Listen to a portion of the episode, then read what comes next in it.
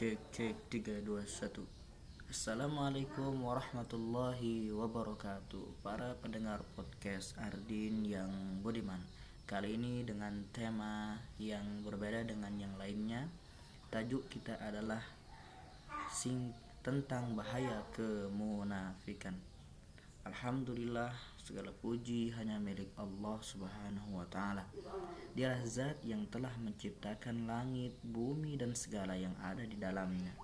Dialah pula yang mengatur dan mencukupi seluruh rezekinya. Tiada yang patut disembah selain Allah Subhanahu wa taala. Salawat dan salam semoga selalu terlimpah kepada Nabi Muhammad sallallahu alaihi wasallam.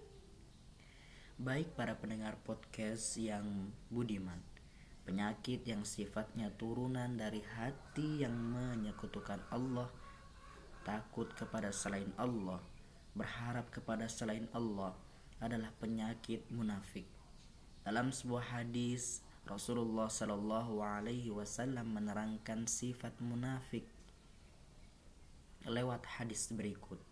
Haddatsana Yahya bin أيوب وقتيبة بن سعيد واللفظ ليحيى قال حدثنا إسماعيل بن جعفر قال أخبرني أبو سهيل نافع بن مالك ابن أبي عامر عن أبيه عن أبي هريرة أن رسول الله صلى الله عليه وسلم قال ayatul munafik thalathun idha haddatha kazaba wa idha wa'ada akhlafa wa idha telah menceritakan kepada kami Yahya bin Ayyub dan Qutaibah bin Sa'id. Dan lafaz tersebut memiliki milik Yahya. Keduanya berkata telah menceritakan kepada kami Ismail bin Ja'far. Dia berkata telah mengabarkan kepada kami Abu Suhail Nafi bin Malik bin Abu Amir dari bapaknya dari Abu Hurairah bahwa Rasulullah Sallallahu Alaihi Wasallam bersabda Tanda-tanda orang munafik ada tiga. Apabila dia berbicara, niscaya dia berbohong. Apabila dia berjanji, niscaya mengingkari. Dan apabila dia dipercaya, niscaya dia berkhianat. Hadis riwayat Muslim baik para pendengar podcast yang diridhoi yang dirahmati oleh Allah Subhanahu wa taala. Dalam hadis lain yang dirawatkan oleh Bukhari nomor hadis 5630 menceritakan bahwa telah menceritakan kepadaku Muhammad bin Salam telah menceritakan kepada kami Ismail bin Ja'far dari Abu Suhail Nafi bin Malik bin Abi Amr dan Yahya dari Abu Hurairah bahwa Rasulullah Shallallahu Alaihi Wasallam bersabda, tanda-tanda orang munafik itu ada tiga, yang jika berbicara berdusta, jika berjanji mengingkari, dan jika dipercaya berkhianat. Baik para pendengar budiman yang Allah Subhanahu wa taala rahmati, orang munafik bagaikan musang berbulu domba terlihat bagus padahal hatinya busuk. Orang munafik itu jauh lebih berbahaya dari orang yang jelas-jelas jelek sifat dan sikapnya. Orang jelek menampakkan kejelekannya sedangkan orang munafik itu jelek tapi menampakkan kebagusannya. Seorang munafik itu penipu. Bukankah berbohong itu penipu? Menipu. Bukankah ingkar janji itu menipu? Dan bukankah khianat atas amanah itu menipu munafik itu ada dua jenis.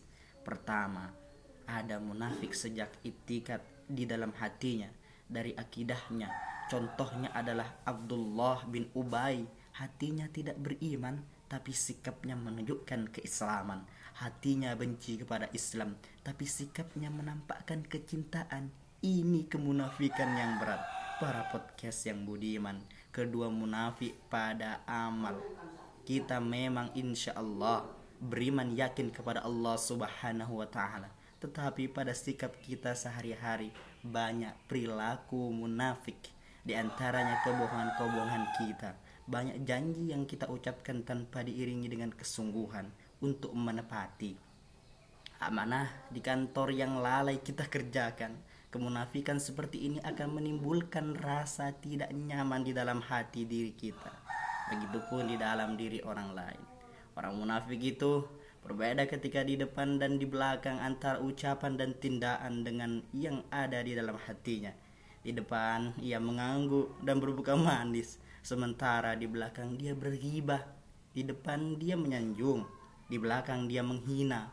Orang munafik seperti ini akan terus menjadi biang masalah kalau di dalam rumah tangga ada kemunafikan maka akan rentan dengan konflik. Kalau di dalam pemerintahan sebuah negara ada kemunafikan maka akan bangkrut dan tidak akan maju. Kemunafikan juga membuat masalah tidak kunjung selesai. Masalah narkoba misalnya Meski para pengedar sudah ditangkap dan dipenjara namun jikalau ada kemunafikan di pihak penegak hukumnya, maka masalah tersebut akan terus berlanjut.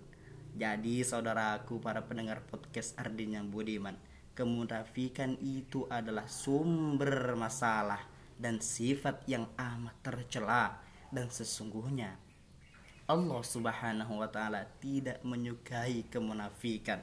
Semoga kita terhindar dari sifat dan sikap munafik para pendengar podcast yang budiman mudah-mudahan apa yang kami paparkan menjadi muhasabah value yang bermanfaat bagi kita semua. Amin ya rabbal alamin.